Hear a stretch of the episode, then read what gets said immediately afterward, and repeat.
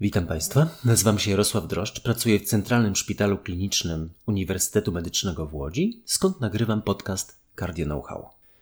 Pięknie Państwo wybraliście. Najtrudniejszy temat z całej kardiologii zapalenie mięśnia sercowego. Rzeczywiście, jak myślę o celu tego podcastu, pomijałem takie tematy, które są rzeczywiście trudne. I zapalenie mięśnia sercowego ma i rodzi więcej pytań niż odpowiedzi. Ale trudno. Muszę się z tym tematem zmierzyć. Zacznijmy od pacjenta. 24-letni pacjent zgłasza się do izby przyjęć trzy tygodnie po infekcji górnych dróg oddechowych. Od dwóch dni zgłasza bóle, częściowo związane z wysiłkiem, zamostkowe po lewej stronie, na środku, idące do góry, do lewej strony. Mamy niewielki nawrót gorączki, niewielkie obrzęki. Ostatnia noc, pytamy się pacjenta, zgłasza duszność, częściowo o typie ortopnoe w badaniu klinicznym trzecitą serca. Wiem, że Państwo rzadko to słyszycie, ja to słyszę często. Zachęcam do szkolenia w tym zakresie. Brak czynników miażdżycy. Wykonujemy EKG, uniesienie odcinka ST V2 do V5 o 1,5 mm, tętno 90, ciśnienie 110 na 80. Mamy echo w izbie przyjęć, bo to porządny, wszystko mający szpital, takich jak nasz. Frakcja wyrzutowa 42% z uogólnionymi zaburzeniami kurczliwości, bardziej nasilonymi na obszarze ściany przedniej. Jakie jest pierwsze działanie? Jaki jest kierunek naszego działania? A. Leczymy jak ostry zespół wieńcowy. Kwas acetylsalicylowy, dostęp dożylny, koronarografia, monitorowanie EKG. I kierujemy na kardiologię. B. Leczenie niewydolności serca. Diuretyk, inhibitor, beta-adrenolityk, hospitalizacja, oczywiście na oddziale kardiologicznym z ciągłym monitorowaniem EKG. Bądź C. Leczenie infekcji, a zatem interna, leczenie objawowe, może beta-bloker, ale na pewno antybiotyk, leki uspokajające, płyny. Oczywiście odpowiedź z moją koncepcją leczenia będzie na końcu. Szanowni Państwo, zapalenie mięśnia sercowego to jest rzadka choroba. I tak jest to traktowane przez większość z nas. Żeby Państwu uzmysłowić, jak rzadko rozpoznajemy kardiolodzy w poradniach zapalenie mięśnia sercowego, sięgnąłem do danych Narodowego Funduszu Zdrowia. Mam te dane łódzkie, bardzo szczegółowe, jedna z ostatnich, jeden z ostatnich lat, cały okrągły rok. 17 tysięcy pacjentów, z czego zapalenie mięśnia sercowego było u 50. Nie powiem ile było nadciśnienia tętniczego, bo to rzeczywiście dziesiątki tysięcy rozpoznań. Omdleń było nawet 800. Więc naprawdę rzadka, wydawałoby się, że rzadka, rzadkie schorzenie. Trudna w diagnostyce. To jak rozmawiam z kolegami, to takie tutaj pokutuje spojrzenie. Bez swoistego leczenia. Nie będę Państwu mówił, że to wszystko nieprawda. Nie jest to rzadkie, nie jest to trudne w diagnostyce, ale są zauważalne braki wiedzy. Być może czasem, w niedługim czasie, można będzie o to zapytać na najbliższym egzaminie z kardiologii. I jeszcze jedno, szczególnie w dobie COVID, emocje zaczynają górować nad faktami naukowymi. Dlatego być może Państwa już teraz przepraszam, że ten podcast będzie troszeczkę dłużej niż to nominalne 15 minut, ale i zagadnienie jest interesujące. Otóż jest to najczęstsza przyczyna nagłego zatrzymania krążenia u osoby do 40 roku życia. Co piąta osoba, której serce zatrzymuje się i umiera, ma zapalenie mięśnia sercowego. W badaniach sekcyjnych od 1 do 5% osób zmarłych ma cechy zapalenia mięśnia sercowego. Bardzo trudna diagnostyka, to prawda.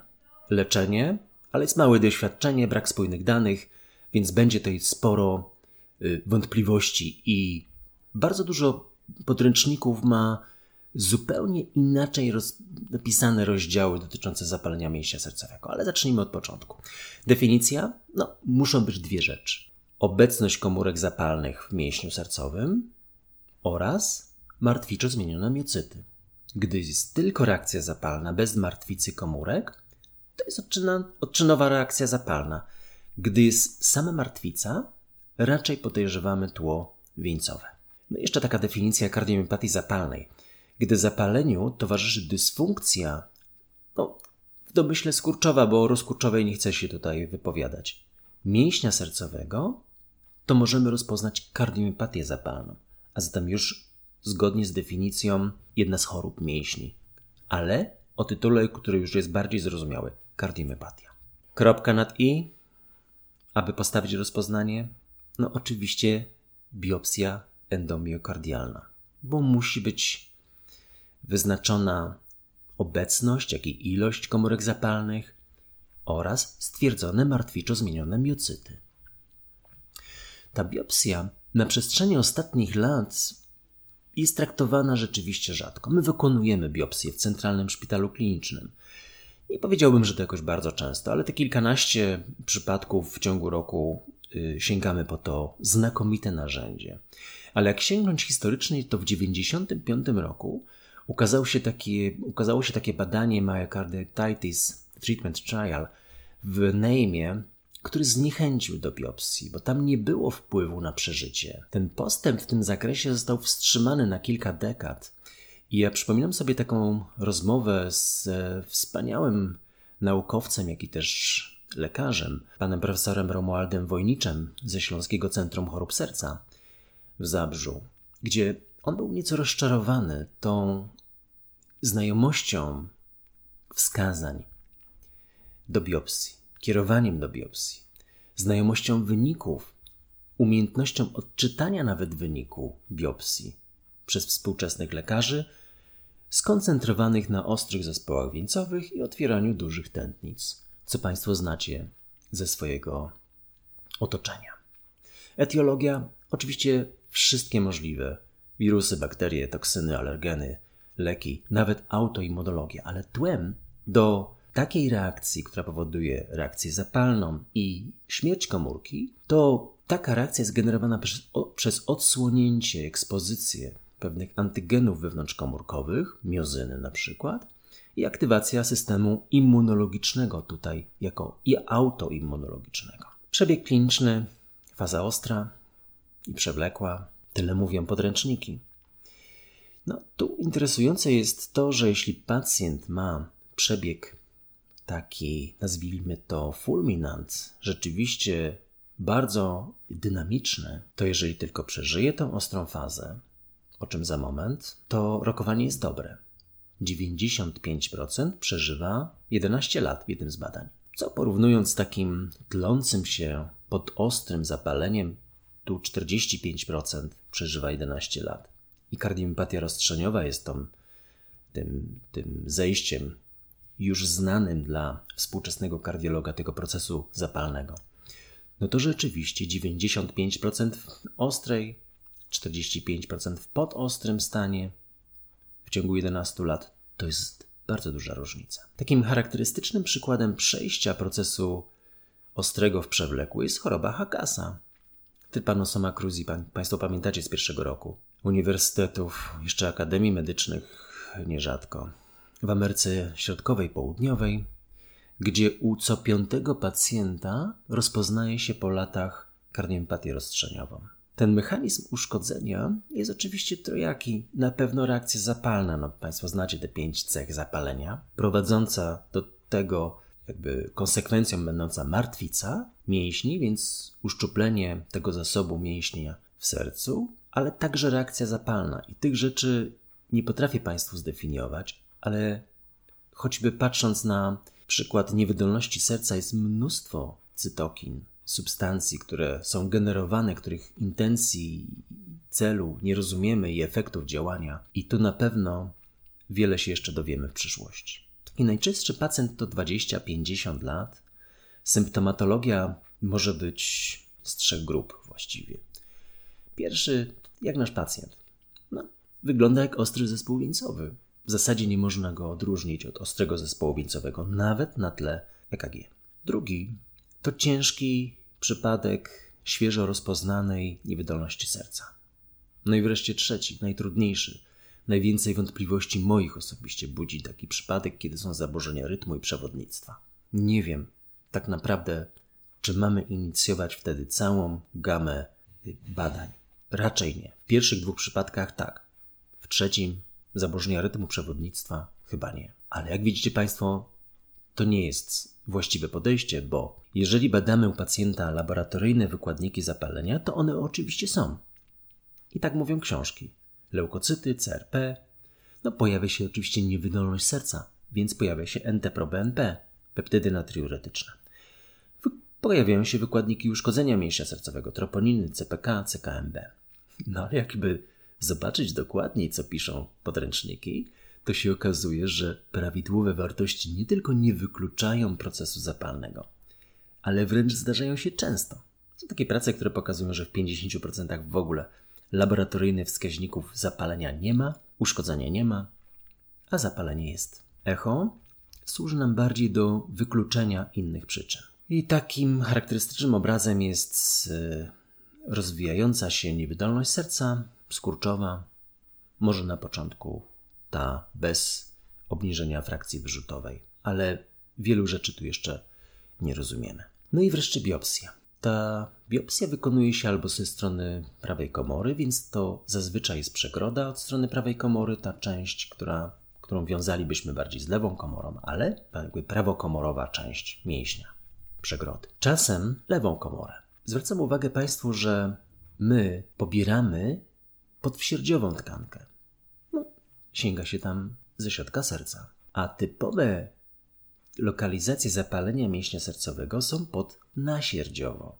Podwsierdziowe to są zmiany niedokrwienne. Państwo to znacie chociażby z obrazów scintygrafii perfuzyjnej. Ten zasadniczy cel biopsji, bo ją trzeba umieć wykonać i umieć opisać. Celem biopsji jest odpowiedź na trzy pytania. Czy przypadkiem nie ma obrazu bardzo charakterystycznego dla kolegów, którzy przy tym pracują? Obrazu zapalenia mięśnia sercowego sarkoidoza, wspomniana choroba Hagasa, czy są wirusy. A zatem w myśli mamy ewentualną inicjację terapii przeciwwirusowej. I trzecia sprawa, czy jest obecność zapalenia, bo wówczas myśli, myślelibyśmy o leczeniu immunosupresyjnym. I to w zasadzie z diagnostyki wszystko, ale świadomie pominąłem jedną rzecz, bo mamy teraz rewolucję jeżeli chodzi o ocenę rezonansem magnetycznym serca. Bardzo trudny temat. Spekulowałbym, że większość kolegów, którzy opisują serce, nie potrafiłoby w trzech punktach znowu odpowiedzieć na pytanie, czy jest, czy nie ma, takie kliniczne pytanie, czy jest, czy nie ma zapalenia mięśnia sercowego. No, pierwsza rzecz to intensywność sygnału. Obrazowanie T2 z takim impulsem tłumiącym sygnał tłuszczu, i to ten wzrost intensywności sygnału mówi o tym, że wzrost jest zawartości wody w mięśniu. Druga sprawa to w obrazowaniu T1 z takim wczesnym wzmocnieniem pokontrastowym robi się to po 2 do 4 minutach i to pokazuje przekrwienie, wzrost przepuszczalności naczyń, a zatem ta część nasza zapalna również i konsekwencja tego zapalenia. Przekrwienie, wzrost przepuszczalności małych naczyń. No i wreszcie późne wzmocnienie. Też T1. 10-20 minut. Mamy impuls tłumiący sygnał zdrowego mięśnia, a zatem widzimy martwiczo zmienione skupiska miocytów i na bazie rezonansu magnetycznego opisanego, opracowanego w bardzo specyficzny sposób. To nie, klas, to nie klasyczne, typowe badanie rezonansu, tylko badanie dedykowane odpowiedzi na pytanie, czy jest, czy nie ma zapalenia mięśnia sercowego. To dopiero te trzy elementy pozwalają na odpowiedź na pytanie, ale i tak sięgnąłbym do biopsji. No i na koniec leczenie. Oczywiście faza ostra to leczenie niewydolności serca. Inhibitory w literaturze nieco przeważają nad beta-adrenolitikami, ale oczywiście beta-adrenolityki tak. Mało się mówi o antagonistach aldosteronu ale ja bym zdecydowanie od samego początku je włączył. Statyny? Niektórzy piszą, że to tylko wtedy, kiedy jest cholesterol. To nieprawda. To są przeciwzapalne, pleiotropowo działające, znakomite substancje. Absolutnie należy je włączyć. Jakbym miał spekulować, co będzie w najbliższych czasach, flozyny będą miały tu udział, ale nie pora o tym mówić. Na pewno heparyny. No jeśli jest to taki fulminant, taki przebieg rzeczywiście trudny, no to nic nie zastąpi czasowej pompy do odciążenia krążenia, czasem lwa, transplantacja serca. Jeżeli mamy zaburzenie przewodnictwa, czasowa elektroda. Oczywiście cały czas monitorowanie EKG, bo te zaburzenia rytmu i przewodnictwa się zdarzają. Dane dotyczące takich leków, które Państwo moglibyście myśleć, że mieliby, miałyby udział tutaj, NLPZ-y, kwazacetylosalicylowy, te dane są niespójne. Część osób, część danych wskazuje na to, że kwazacetylosalicylowy nie jest najlepszym środkiem. To mnie osobiście zaskakuje. No i wreszcie specjalistyczne ośrodki posiadające biopsji, pozwalające na to, żeby tą biopsję można było powtarzać bezpiecznie, stosują środki przeciwwirusowe, immunoglobuliny, immunoabsorpcję, immunosupresję. Wykazano dobre rokowanie, ale w małych grupach. Tam, gdzie jest odczyn zapalny, immunosupresja. Tam, gdzie nie ma wirusa, są dobre efekty immunosupresji i dobre efekty odległe. No i wreszcie to, co też budzi mój niepokój. Lekarze mówią 6 miesięcy absolutnego spokoju. Nieprawda. Nieprawda. Książki piszą tak. Dwa miesiące tylko gimnastyka rehabilitacyjna, spacery. To prawda. To jest tak. Dwa miesiące rzeczywiście po takim zapaleniu mięśnia sercowego należy się nie leżenie w łóżku, nie siedzenie na fotelu, spacery, a sport po sześciu miesiącach. A jak zapobiegać nawrotom? No, oczywiście szczepienia przeciwko grypie. Nie wspomnę o witaminach, bo jestem im na bazie wyników badań naukowych przeciwne. No i sam koniec. COVID-19. Tu jest więcej emocji niż rzeczywistych danych. COVID uszkadza serce. Krzykliwe nagłówki w różnych mediach, także tych lekarskich. Oczywiście jest wzrost troponin, ale sprawdźcie Państwo nawet u siebie w czasie infekcji. Odradzam przychodzenie do szpitala, pobieranie krwi, ale troponiny wyjdą dodatnie. Po dłuższym biegu też się ma dodatnie troponiny. Nie będę Państwu mówił po maratonach. Czasami to testujemy u osób, które się zgłaszają do izby przyjęć. Mamy taki łódzki maraton. Bywał w kwietniu. Ten wzrost troponin oczywiście jest związany z wzrostem śmiertelności w covid ale nie wiadomo, czy to jest skutek, czy przyczyna tego, że to są obciążone czynnikami ryzyka osoby w krytycznym dla siebie momencie umierające. 21 kolejnych autopsji Krystyna Basso opisała w ostatnim, jednym z ostatnich numerów, bodajże październikowym European Heart Journal. I rzeczywiście infiltrację makrofagami ma no, 86%. Większość. Taki obraz uszkodzenia mięśnia plus zapalenie limfocytowe 14%, co siódma osoba. Ale wydaje się raczej, że to może być związane z ciężkim stanem, a nie z COVID. Nie jest to etiologicznie powiązane z samym, samą infekcją wirusem SARS-CoV-2. Odsetek zmian zapalnych wprawdzie w pracy jest napisane, że jest wyższy niż w poprzednich y, epidemiach SARS-CoV czy, czy, czy infekcjach SARS-CoV tych sprzed kilku lat, ale to nie są duże grupy pacjentów. Zawał? Jeden na tą grupę, na 21 osób. Mikrozatory? Cztery. No to już więcej. I te wyniki przypominają wyniki autopsji u innych krytycznie chorych osób, które zmarli w przebiegu ciężkiej choroby zapalnej. W takim artykule redakcyjnym towarzyszącym tej pracy to jest wspomniane, że to nie jest czas na strach przed relacją COVID a serca. Nie mamy na to jeszcze danych. Temat jest oczywiście nośny. Serce jest tym kluczowym narządem, COVID jest teraz tematem wielu dyskusji My tylko przedstawiamy fakty potwierdzone naukowo. Rzeczywiście rezonans wskazuje na obecność zmian zapalnych mięśnia, ale najprawdopodobniej nie wiąże się to z takim przebiegiem, że zapalenie mięśnia sercowego. I nie mamy danych, co się będzie działo dalej.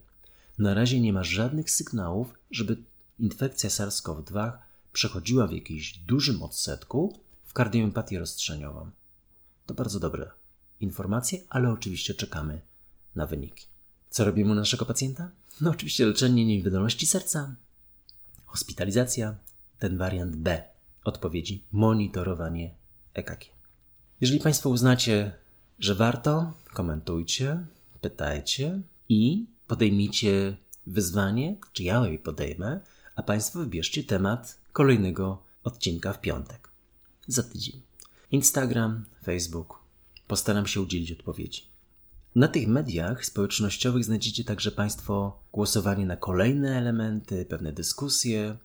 Jestem Państwu bardzo wdzięczny za promocję tego podcastu. I na koniec, bardzo dziękuję Pani Zuzannie za tak znakomite pytanie. Gratuluję i bardzo proszę o łatwiejsze. Dziękuję bardzo.